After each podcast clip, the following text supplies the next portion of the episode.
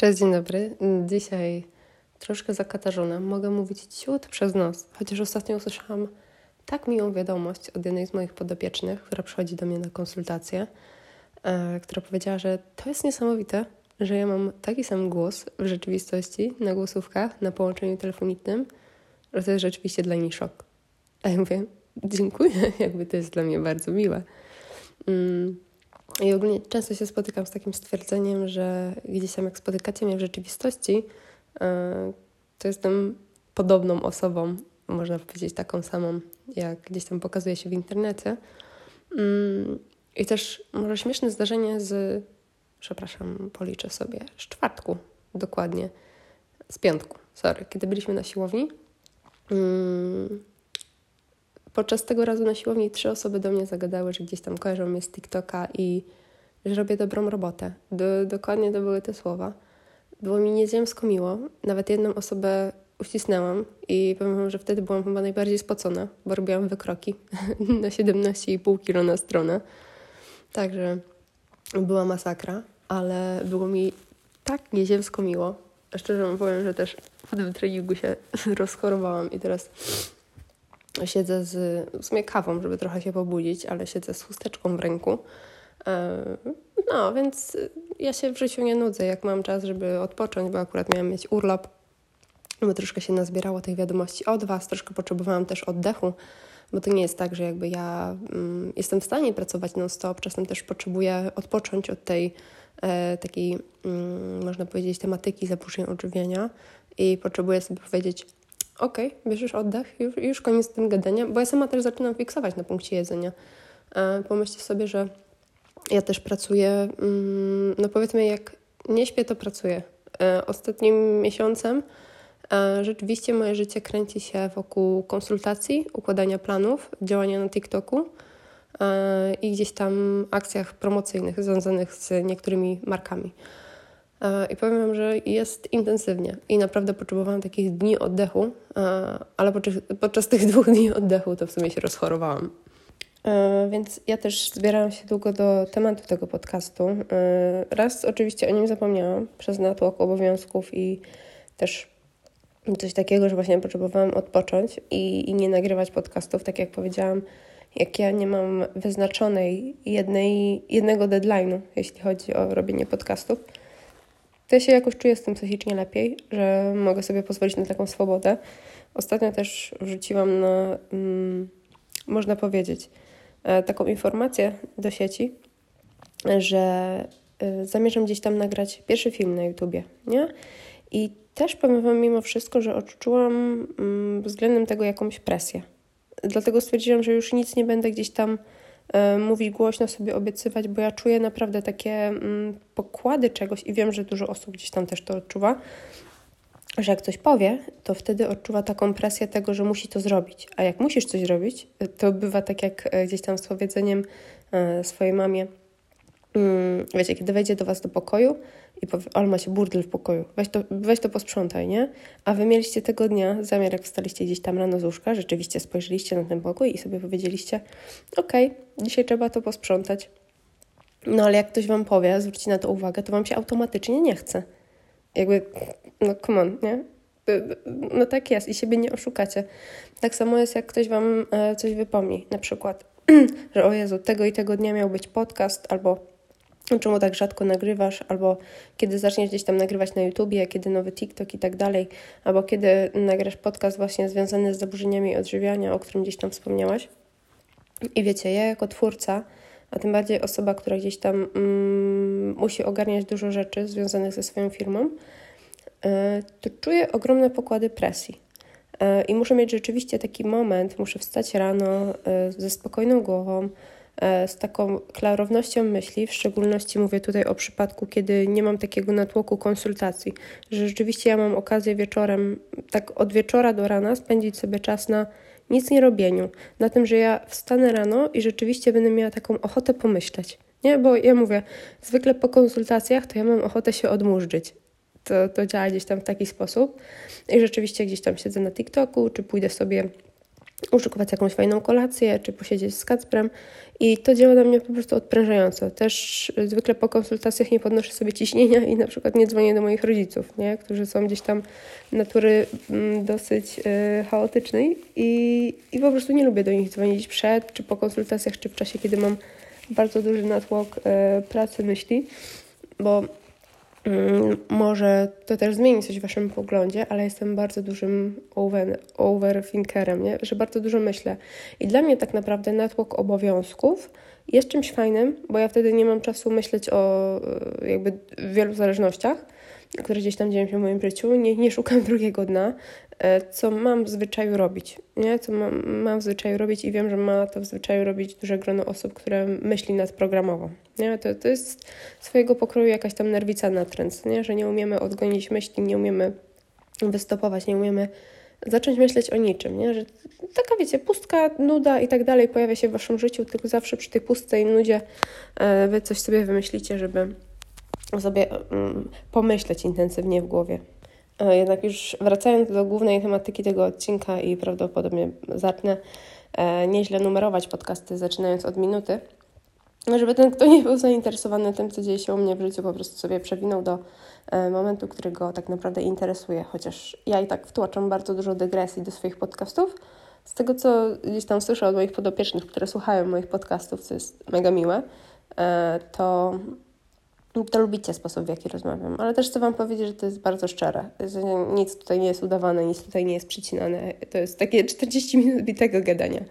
E, też jak przyjdziecie do mnie na konsultację, to zawsze słyszycie, że ja mm, nie umiem przestać gadać, bo zawsze mam natłok informacji do powiedzenia mam.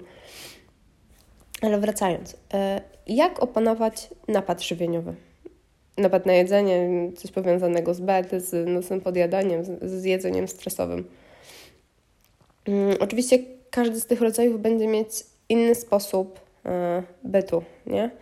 E, chcę Wam też powiedzieć, że ja nie chcę, żebyście uznali ten podcast za formę terapii, za formę konsultacji ze mną. To, co Wy tutaj usłyszycie, to jest pikuś przy tym, co my przepracowujemy na terapii. Terapii, e, można powiedzieć, konsultacji żywieniowej. Bo jakby ja psychoterapeutą nie jestem, nie? Jestem tylko dietetykiem i trenerem personalnym, także można zapisać się na trening. Ale e, co mam chcę powiedzieć? Nie chcę bardzo, żebyście traktowali to jak takie rady dla każdego, bo tak jak mówię, przypadek e, anoreksji, bulimii i napadowego obiadania się, każdy z przypadków się różni i ja tak naprawdę na sesjach, że tak powiem, rozpracowuję każdy przypadek podopiecznego i indywidualnie dobieram e, tok pracy z Wami, nie? Tak jak mówię, to jest gdzieś tam mm, ogół, nie? To jest wrzucone do wora, aczkolwiek e, chcę też powiedzieć, że bardzo dużo współzależności znajdziecie w tym, co ja powiem, nie? Um, czyli nie będę nikim nowym, kto powie Wam, że tak naprawdę e, gdzieś tam napadowe jedzenie zaczyna się od stresu. Aczkolwiek powiem Wam z własnego doświadczenia, bo ja chorowałam na napadowe obiadanie się w, w 2015 2014-15 mm, albo 15-16. To był przeskok z drugiej klasy gimnazjum na e, trzecią klasę gimnazjum. Pamiętam e, w momencie, to mogę Wam opowiedzieć w sumie, nie? że to był moment gdzieś tam, kiedy ja poznałam swojego pierwszego chłopaka e, i był to dla mnie dosyć taki szczególny moment. Jeśli chodzi o uczucia, oczywiście grupowanie ich wszystkich w swoim życiu i tak dalej systematyzowanie tego, co jest dla mnie ważne, co nie, bo ogólnie no, była spina z rodzicami, więc ten chłopak był tak zwanym jedynym ratunkiem, ale też nie ukrywam, że to była relacja dosyć toksyczna, bo gdzieś tam mój były chłopak chorował na y, depresję. Ja sobie powiedziałam, że z tej depresji y, go wyciągnę, z tej racji, że kiedyś będąc w szpitalu psychiatrycznym, e, tak naprawdę pomogli mi ludzie, a nie psychiatrzy czy pielęgniarki, którzy tylko mieli za zadanie, że tak powiem. Bo ja też nie uczyłam jako dwunastolatka żadnej takiej empatii, będąc w tym szpitalu. Ja nie mówię, bo jest mega dużo specjalistów, którzy są dobrzy w swoim fachu, ale też nie ukrywajmy, są, mm, są przypadki takie jak ja, gdzie mm, trafienie do szpitala ja mm, wspominam okropnie. To, to nawet nie ma porównania do tego, jak ja zostałam tam potraktowana przez lekarzy, a głównie gdzieś tam ja zyskiwałam pomoc, powiem Wam, u ludzi, nie? I bardzo w tym momencie chciałam podziękować w sumie Weronice i Kasi, które były tam dla mnie najbliższe. Czajcie, że ja jeszcze pamiętam imiona, imiona. I to były dwie takie dziewczyny, które też kiedyś zahaczyły o zaburzenia odżywiania. E, ogólnie trafiły tam z, z innym już przypadkiem, nie? No bo drugi raz, ale Mm, wychodząc z tego szpitala, jakby już miały mm, to doświadczenie, nie? I chciały mi przekazać to najlepsze, czego one się nauczyły, żebym ja też nie popełniała tych samych błędów. I za to jakby mm, zawsze byłam im wdzięczna, mimo tego, że totalnie e, ucięłam z nimi kontakt. Z jedną z nich odnowiłam, co jest dla mnie dziwne, bo spotkałyśmy się na Instagramie, także śmieszna sprawa. Um, ale mówię, jakby ja styczność z lekarzami miałam okropną, jeśli chodzi o szpital. E, I wracając do tej sytuacji z moim chłopakiem, nie? ten przełom 2015-16, to mój chłopak też nie był y, szczupły, nie był też normalnie zbudowany, tylko był, miał po prostu nadwagę. Nie? I też jakby spędzany czas z nim, my bardzo często jedliśmy rzeczy, których no, po prostu nie powinniśmy. I, I ja zbudowałam wtedy w swojej głowie takie przeświadczenie o tym, że będąc z kimś, nie czując presji, nie? ja mogę sobie pozwolić na jedzenie. Też zaczęłam na jedzenie troszkę inaczej patrzeć, nie? że jak nie mam presji związanej z byciem w domu, z byciem z rodzicami, nie czuję się obserwowana, a jest dużo fajnego jedzenia, które ja sobie zabraniałam, czajcie przez mm, dwa lata, kiedy wyszłam, dwa, trzy lata, przepraszam, kiedy wyszłam ze szpitala. Jakby wiecie, jakie to było pozwolenie na żarcie. Um, I to, nie ukrywając, był moment w tym 2015, kiedy też łączyło to się z jakby wyjściem moim z gimnazjum. Ja miałam wtedy na celu już um, powiedzmy po, po zakończeniu gdzieś tam związku z, z moim chłopakiem, bo to też um, były wartepy na tym polu i nie powiem, że nie, bo gdzieś tam przesiadywanie z osobą, która próbuje popełnić samobójstwo jest dosyć wykańczające dla psychiki, także to raz, nie, to też była kwestia regulacji emocji. Dwa, nadszedł mi taki konkurs biologiczny, który gdzieś tam wertował to, do jakiej szkoły się dostanę. I bardzo mi zależało na dostanie się do ogólniaka najlepszego w województwie. Nie, zawsze się gdzieś tam dobrze uczyłam i chciałam. Z perspektywy czasu widzę, że to była głupota, że tam poszłam, e, bo powiem Wam szczerze, no, trochę głupota, trochę nie. Wiem, że być może osoby, które gdzieś tam się ze mną uczyły w tej szkole, dzisiaj słuchają tego podcastu, czy, czy mamy ze sobą lepszy kontakt. E, ale szczerze powiem, że jakbym miała wybór, to wolałabym pójść do szkoły, gdzie miałabym klasę, bo ja też chodziłam do szkoły amerykańskiej, można powiedzieć, gdzie miałam kursy i podczas tych kursów mieszałam się z całym rocznikiem, więc no, no było zabawnie. Mm, ale powiem Wam, że żadnej takiej większej przyjaźni nie, nie dało się um, sklecić. Nie? Mogę powiedzieć szczerze, że po liceum została mi taka jedna przyjaciółka i mega ją pozdrawiam, jak słucha tego podcastu, a jak nie, to też ją pozdrawiam, z którą ja mam kontakt do dzisiaj z którą mi się gada jak po prostu, no nie wiem, jak z najlepszą przyjaciółką. Napiję się chwilę kawy, mm, przerwa na kawusie, asymery. Okej. Okay. I e, wracając do tej kwestii mm, głównej tego, dlaczego ja jadłam w tamtym okresie, e, to też usprawiedliwiam to, że mam stres, nie? Ucząc się do jakichś tam egzaminów bo bardzo nie chciałam pisać egzaminów gimnazjalnych i też miałam takie zadanie, że tak powiem, sobie w głowie ukryłam, e, że ja bardzo nie lubiłam nauczycieli, bo zawsze nauczyciele próbowali mnie usadzić, czy też próbowali pokazać, że przez to, że ja się nie uczę, to jestem jakaś taka. Mm, no wiecie, jak to jest. Nie chodzicie do szkoły, żeby zdobywać dobre oceny. Nie, żeby, nie wiem, nawiązywać dobre relacje społeczne, żeby kogoś e, czegoś tam rzeczywiście nauczyć o emocjach ja zawsze byłam taka na lekcji, że no, matka Teresa, nie? że komuś tam próbowałam pomóc, a przez to zgarniałam gorsze oceny i za to była duża zjeba. No, no i tak zawsze ja po prostu u nauczycieli byłam, można powiedzieć, skreślona. I ja się też z nauczycielami po prostu nie lubiłam. Jedyną taką osobą, którą lubiłam rzeczywiście w szkole, była ta moja pani od biologii, e, która była moją wychowawczynią. I śmieszna sprawa, która też miała dosyć duży wpływ na mojego byłego chłopaka, bo um, bo byliśmy razem w klasie. Także sobie uświadomcie to, że po zerwaniu no, dość średnia sprawa była, jak musieliśmy siedzieć razem w klasie przez ileś godzin dziennie i się codziennie widzieć. No, także średnia sprawa. E, kolejna taka sprawa. Mm, związane z regulacją emocji. Nie? I ja w tym momencie, kiedy się uczyłam do egzaminów, poczułam tak totalną swobodę na to, żeby żreć, żeby regulować tę emocje. Mówiłam sobie, nauczę się tego i tego. Nie spałam do godziny trzeciej w nocy. O 6 rano wstawałam na autobus do szkoły, szłam do tej szkoły, uczyłam się na lekcjach, wychodziłam do Biedronki po jakieś drożdżówy i sneakersy i rzeczywiście jadłam je na przerwach, uczyłam się na lekcjach. Mm, I całe moje życie kręciło się wokół tej nauki. Powiem Wam szczerze, w momencie, kiedy nabiłam 10 kilo w przeciągu gdzieś tak e, półtorej miesiąca, to był taki niezły szok. W sensie spojrzałam tak na swoje ciało i sobie powiedziałam, aha, okej, okay, trochę jest tego więcej. Jebie mnie to.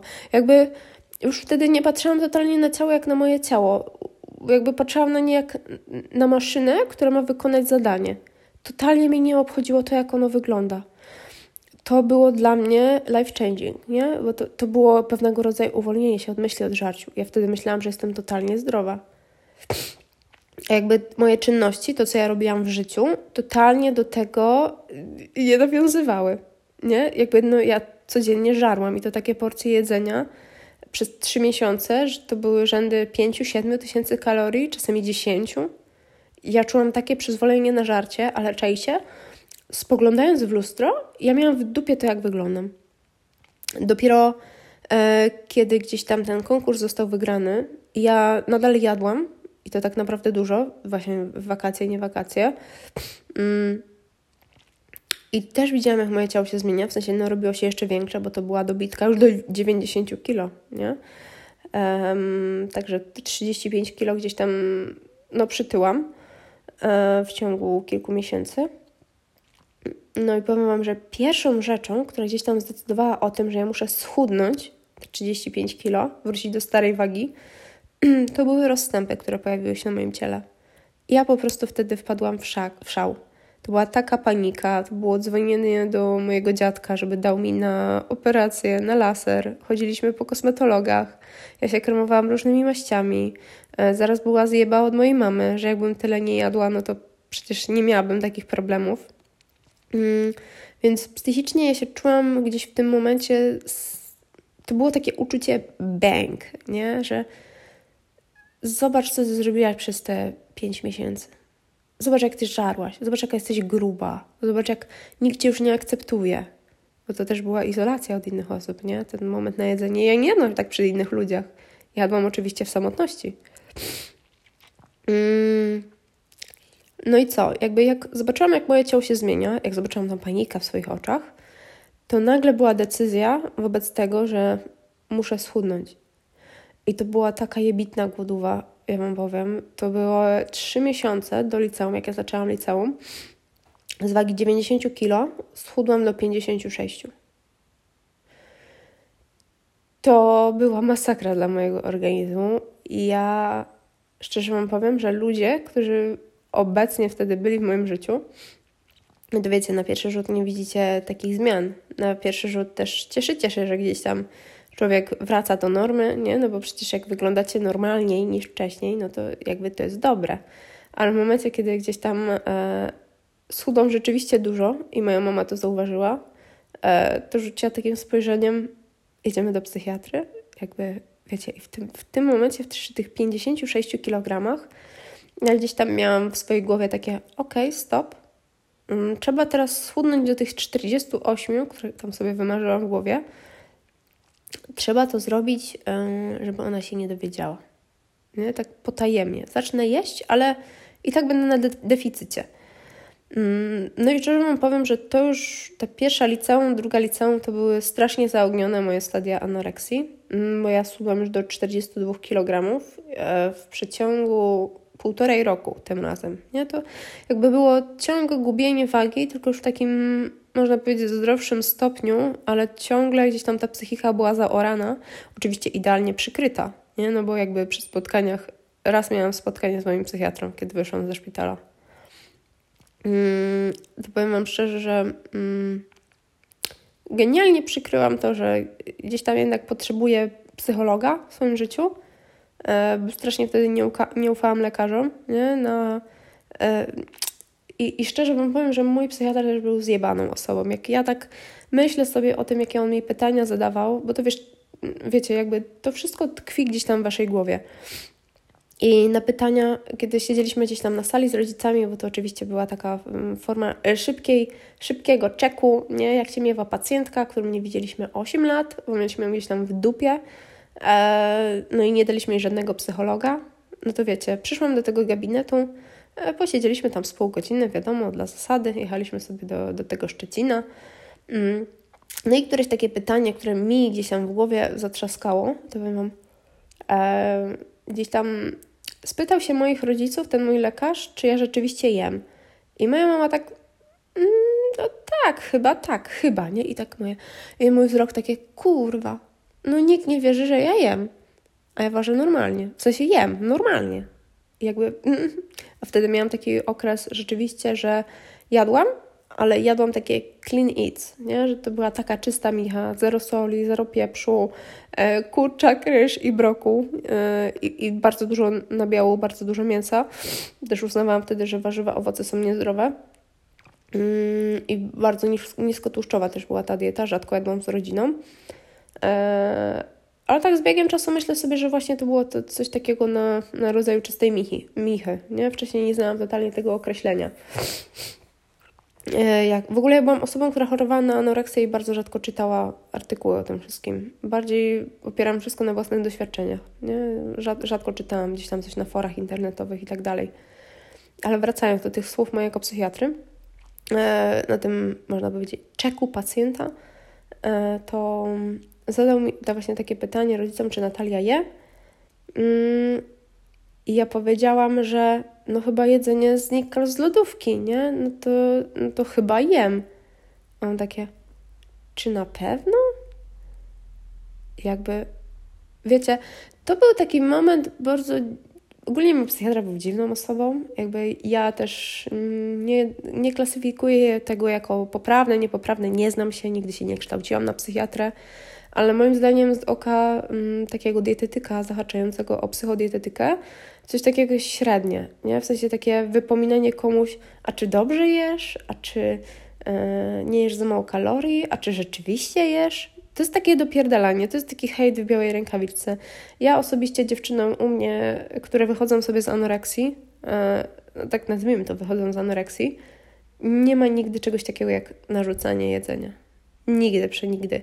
Ja czuję, że jakby one miały podprogową sytuację, znaczy, że ja rzeczywiście bym widziała, że potrzebują pomocy, to odgoniłabym do innego specjalisty. Aczkolwiek ja sama swoim osobom nigdy nie narzucam tego, co wy macie jeść. Ja was nakłaniam swoimi słowami przede wszystkim do tego, żeby wybrać dla siebie dobrze. Ja was nigdy nie zmuszę do jedzenia, bo wiem, czym to się kończy. To się kończy wyparciem, tym, że oprócz rodziców i swoich psychologów czy lekarzy nie lubicie też mnie i że nie macie już szukać w kimkolwiek oparcia. A tak naprawdę ja Wam wolę poprzez swoje słowa wytłumaczyć, że Wy powinniście czynić dla siebie dobrze, zawsze wybrać dla siebie dobrze. Mimo opinii, mimo presji, mimo narzutów społeczeństwa, mimo przekonań, Wy zawsze macie wybrać dla siebie dobrze. I to jedzenie jest dla Was dobre, a nie złe. Ale to dużo zależy od słów. Tak jak mówię, mi się totalnie nie podobał przekaz psychiatrów, którzy gdzieś tam ze mną współpracowali, bo moim zdaniem to było do cipy. Totalnie podejście, totalnie umieszczenie w szpitalu, totalnie jakby kwestia organizacji tego po wyjściu, nie? E, mam to tak za złe po prostu, bo tak mi to przeorało psychikę, że rzeczywiście, jak miałam, można powiedzieć, narzucone, bo moich rodziców nie było stać na psychologa, jak miałam narzucone poradzić sobie samemu z chorobą, to szczerze Wam powiem, że dopiero moment gdzieś tam 2019-18, e, mm, kiedy zaczęłam prowadzić swoje życie, kiedy bardzo odizolowałam się też od rodziców, to był taki moment, kiedy ja zaczęłam rzeczywiście żyć i rzeczywiście spojrzałam na anoreksję trochę inaczej. Mm, ale sugerując się tymi moimi napadami, nie? No bo był moment rzeczywiście, kiedy już w liceum ta pierwsza, druga tak solidnie schudłam. Mm, no i potem w tej trzeciej liceum, kiedy już było po maturach, ja sobie postanowiłam, że chcę przytyć, nie? No bo chcę gdzieś tam zwiedzić świat, Polskę i tak dalej, pospotykać się z osobami, które spotkałam w internecie, bo to też był taki przełom tego, że mój Instagram trochę zrobił takie boom, E, była to sprawa też związana z wydaniem książki, z blogowaniem, z jeżdżeniem na jakieś zjazdy kulinarne. Wtedy też, o, pamiętam, że gdzieś tam moją obietnicą e, do tego, żeby wyjść z tych zaburzeń odżywiania było przytycie, żeby moi rodzice mi pozwolili pojechać na warsztaty kulinarne do Warszawy w 2018 do Justyny Świetlickiej, która, która te warsztaty organizowała. Mm, Wtedy tam też się spotkałam z taką blogerką Just Delicious. Nie? I ogólnie chciałam pojechać po prostu na te warsztaty, bo, bo słyszałam, że będzie tam kilka fajnych osób i, i chciałam gdzieś tam też Justynę poznać osobiście. E, chociaż tak, spotkałam ją chyba raz w 2015 na takim zjeździe też wegańskim w Poznaniu, e, gdzie mogliście spróbować jakiejś tam lokalnej kuchni i tak dalej. E, śmieszna sprawa. To, to były chyba jakieś targi. Targi, rzeczywiście. I tam był wtedy Vegan Hero on się teraz nazywa Everyday Hero. No, jak, jak ogólnie znacie te wszystkie osoby, bo siedzicie gdzieś tam w mediach, to ja je serdecznie pozdrawiam. E, ale mówię gdzieś tam, co, co mi świta, do czego dążyłam e, poprzez takie wychodzenie z choroby. Nie, że chciałam po prostu zasmakować świata, poznać ludzi, e, zapracować jeszcze bardziej na to, na co pracowałam cały czas. Nie? I to był gdzieś tam odrzędny cel, żeby wyjść z tych zaburzeń odżywiania. Mm, no i potem wiadomo, zaczęły się studia, czasem było lepiej, czasem gorzej. Ja już miałam trochę opanowane to, jak radzić sobie z napadami, chociaż też było dosyć krucho, e, powiem Wam szczerze, bo pójście na studia też było dla mnie smakowaniem tak zwanego życia. E, też miałam takie etapy, co, co tyłam dosyć mocno przy produkcji książki, aczkolwiek to też się nie wahało na, takich napadowym, na takim obiad, napadowym obiadaniu się, tylko bardziej na podjadaniu. Też miałam z tym taki problem. E, potem wybrałam te studia dietetyczne, to bardziej się zaczęłam interesować psychologią, można powiedzieć, żywieniową. Ale to był też moment gdzieś tam takiego załamania, um, te moje pójście na studia, um, pod względem poznania e, drugiego swojego chłopaka w życiu, z którym mam okropną historię i naprawdę nie chcę jej opowiadać, bo gdzieś tam to zahacza o taką sferę emocjonalną i dosyć prywatną, więc zostawię ją gdzieś tam w swoim serduszku. Ale powiem Wam szczerze, że rzeczywiście ja wtedy mm, też miałam dosyć zagmatwane relacje z jedzeniem. I wtedy, te, wtedy ten moment w 2020, w grudniu, kiedy ja odkryłam, i to właśnie był taki trzask, nie? Te, te studia dietetyczne, ten chłopak i tak dalej, te, te wszystkie moje zdarzenia z przeszłości, jak ja silną potrzebę generowania emocji tłumię w jedzeniu. I do czego zmierzam przez te 20 minut poplania? że przede wszystkim, wiecie, jakby totalnie odrębna dygresja, nie? Ja wchodzę już w temat główny. Ale myślę, że to jest bardzo ważne, bo to jest główny temat tego właśnie, jak samemu wyjść z zaburzeń odżywiania. Jak próbować być może, nie? No bo wiem, że nie każdego gdzieś tam stać na to, wiem, że właśnie niektórzy ludzie lubią posłuchać o tym, choć gdzieś tam ten problem ich nie dotyczy. E, jest to dla Was po prostu ciekawe, jak ja też sama sobie poradziłam z tym wyjściem z zaburzeń odżywiania. Dlatego, dlatego nagrywam ten podcast. Um, ale właśnie, kiedy ja zauważyłam, że główna siła jest generowana w to, żeby stłumić emocje, przede wszystkim takie emocje akceptacji, miłości, której bardzo rzadko doznawałam, samotności, idealności, podejścia zero-jedynkowego, e, podejścia wszystko albo nic, obsesji na temat jedzenia, przede wszystkim jego wpływu na moje zdrowie i życie. Oczywiście to jedzenie ma wpływ na zdrowie, życie i tak dalej ale ja nie znałam czegoś takiego jak jedzenie, jedzenie rekreacyjne w diecie. Dla mnie każde jedzenie, które było zakazane, to musiało być. To, to nie miało miejsca w moim życiu. Ja, ja w ogóle nie uznawałam czegoś takiego jak wolność głowy. Łyk na kawusie. Oddech dla Was od moich opowieści. Ale yy, właśnie przechodząc do tego momentu, kiedy ja rzeczywiście ogarnęłam ten taki fakt, kiedy miałam też okazję, Jezu, pierwszy raz w życiu wtedy zachowałam się jak totalna baba i zaczęłam pisać o moich emocjach do przyjaciółek z roku, do mojej przyjaciółki z liceum. E, zaczęłam mówić o tym, co się u mnie w życiu stało, jaki to był zjazd emocji, jaki to był ryk, jakie to było skumulowanie tego wszystkiego. Rzeczywiście, ja pisałam ze łzami w oczach, patrzyłam do telefonu i pisałam wiadomości do nich ale czajcie, jaki na drugi dzień to było oczyszczenie? To już nie było kumulacji emocji w jedzeniu.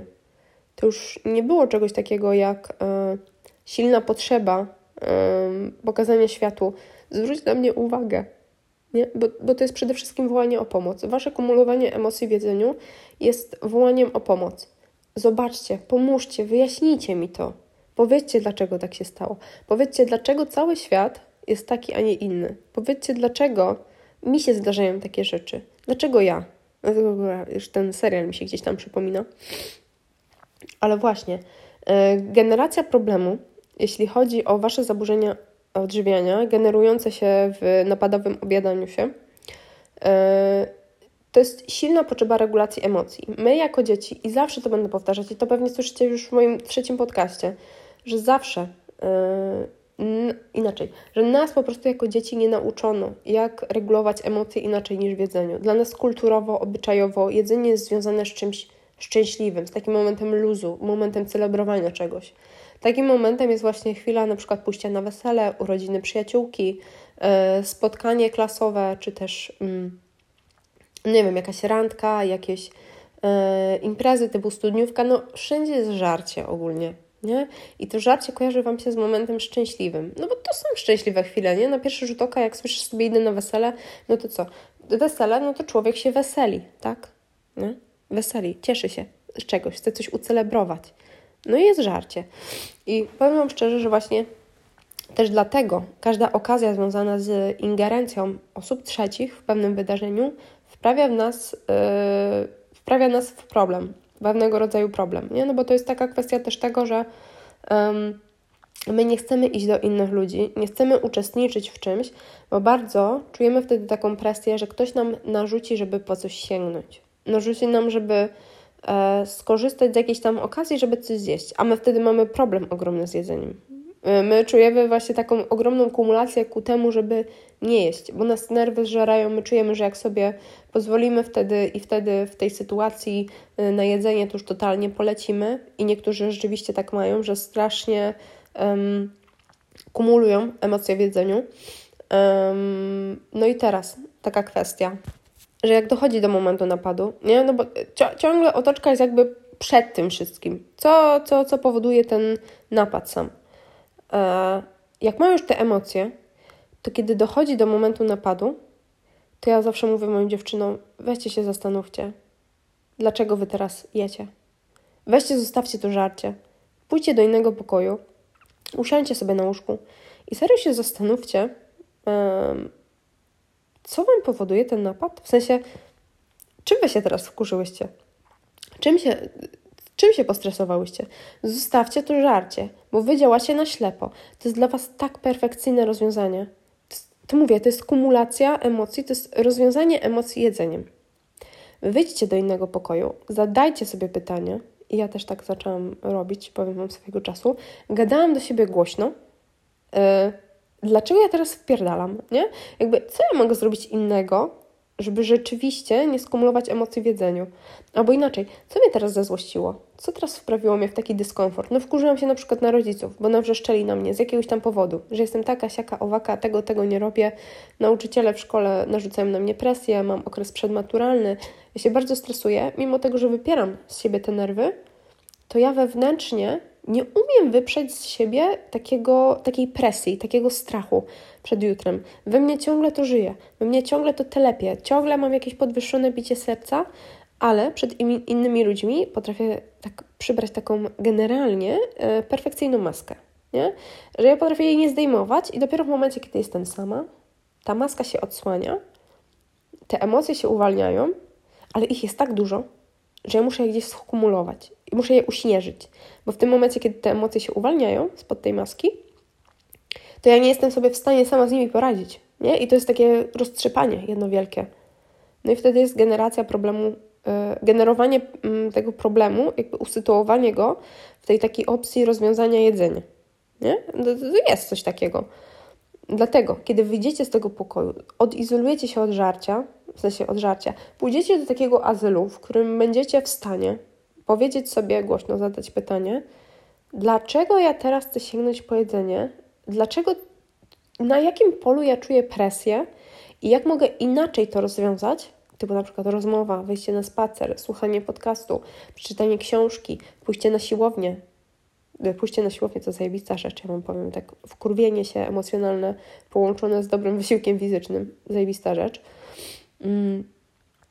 Chyba, że się wiąże psychologicznie z, ze spaleniem kalorii, to wtedy już trzeba problem, tak jak mówię, nie? No, ogólnie rady są moje zawarte w tym podcaście dla ogółu, ale mówię, jak ktoś uwzględnia sport w swoim życiu jako taką opcję przepalania kalorii i bardzo źle kojarzy sport, to już wtedy, tak jak mówię, jemu nie pomoże ten podcast. Jemu pomoże bardziej spotkanie się ze mną nie? i indywidualne ustalenie etapu e, przebiegu jakby naszych konsultacji e, dążących do tego, żeby jemu uregulować dobrostan psychiczny związany z jedzeniem. Mm, I właśnie w momencie, kiedy dojdziecie do tego, kiedy zostawicie to jedzenie, kiedy przebywacie sami ze sobą i zadacie sobie pytanie, to wy znajdujecie odpowiedź. Dlaczego jestem postresowany? Co to spowodowało? Jak ja się teraz czuję? Jakie władają mną emocje? I wy doskonale to wiecie. I za każdym razem, jak gdzieś tam ktoś przychodzi do mnie na tą pierwszą konsultację i zaczyna opowiadać o swoim życiu, e, jakby jak on reaguje na jedzenie i tak dalej, i jak słyszy ode mnie pytanie, zastanów się, jakie emocje teraz ci towarzyszą, i jak odpowiada mi nie wiem, to we mnie już się wzbiera coś takiego jak Sherlock Holmes. Okej, okay, nie wiesz, a ja udowodnię ci, że wiesz. I analizujemy. Pik, pik, pik, pik, pik, pik, pik, pik, pik, pik. I znajdujemy. Dlaczego ty teraz kumulujesz emocje w jedzeniu? Zastanów się poważnie, bo to nie jest tak, że ty nigdy nie wiesz. Ty zawsze wiesz. I ogólnie odpowiedź nie wiem, tak jak Wam mówili w szkole gdzieś tam na angielskim, jak mieliście na coś tam odpowiedzieć, tak, nie wiem, nie wiem. Jakiej nie wiem? Ty wiesz, tylko się zastanów. I to jest też tak, że ja jestem dla Was pewnego rodzaju nauczycielem. Ja nie mogę Was pokarać za to, że Wy nie wiecie. Ja muszę Wam pokazać, że Wy rzeczywiście wiecie, co jest kumulacją Waszych emocji i, i dlaczego wyrzutujecie te emocje w jedzeniu. Następna część tego podcastu będzie kiedy indziej, bo teraz powiem Wam szczerze, że ja mam natłok myśli, które też muszę przemyśleć, muszę przemyśleć, co Wam chcę przekazać. Mam nadzieję, że, mam osobiście nadzieję, że ten odcinek podcastu Wam się podobał. Um, powiem szczerze, że zawsze mam pewnego rodzaju stresa, kiedy publikuję te podcasty. E, nieodłącznie wiąże się to też z tym, że no, po prostu ja nie lubię być oceniana. E, nie lubię, jak ktoś mi gdzieś tam coś wypomni, że wtedy i wtedy byłaś chora i tak dalej. Wiąże się to po prostu gdzieś tam z, ze złymi emocjami w moim życiu. E, też nie ukrywam, że byłam osobą, która była krytykowana za mój podcast przez moich rodziców, kiedy gdzieś tam go odkryli. E, więc e, jakby ja też nagrywając podcasty czuję taką swobodę, w sensie, że gadam do ludzi, którzy rzeczywiście mnie nie znają. To jest dla mnie pewnego rodzaju swoboda. Czuję na tym polu ogromne wsparcie, bo wiem, że wtedy nie jestem jedyna i wy nie jesteście jedyni, którzy gdzieś tam radzą sobie z zaburzeniami odżywiania. To jest dla mnie mega wspierające, mm, ale nie ukrywam, że pewnego rodzaju obawa jest, że usłyszy to ktoś z mojego otoczenia. Aczkolwiek ta przewaga tego, że gdzieś tam ta treść może pomóc innej osobie, zawsze przeważa nad tym, że ja takie treści publikuję. Bo czuję, że po prostu jest to gdzieś tam mm, potrzebne do usłyszenia, do opowiedzenia. Dobra, ja się z Wami żegnam. Zapraszam Was na wszystkie moje media społecznościowe, do których linki będą na dole w opisie tego podcastu. Um, mam nadzieję, że rzeczywiście moje słowa czasem pomogą chociaż jednej duszyczce, która otworzy ten podcast. Mm. A ja się dzisiaj na, z Wami żegnam. Um, I co Wam mogę powiedzieć? Jeśli słuchacie tego wieczorem, dobrej i spokojnej nocy, jeśli słuchacie tego nad ranem, gdzieś tam w pójściu, podczas pójścia do szkoły, czy podczas jakiejkolwiek czynności, to życzę przede wszystkim dobrego dnia. Ale jedna taka rada e, wspólna, którą chcę zawsze życzyć każdej duszyczce, to przede wszystkim to, żebyście pamiętali, że jedzenie nigdy nie będzie rządzić waszym życiem, kiedy je ogarniecie. Jedyną osobą decyzyjną nad jedzeniem, która gdzieś tam włada tym, czy zjecie, czy nie, jesteście wy i umiecie osiągnąć coś, o czym marzycie. Tylko każdy z Was potrzebuje na to innego dystansu czasu. Dziękuję serdecznie za ten podcast. Zasmarkana Natalia życzy dobrego dnia.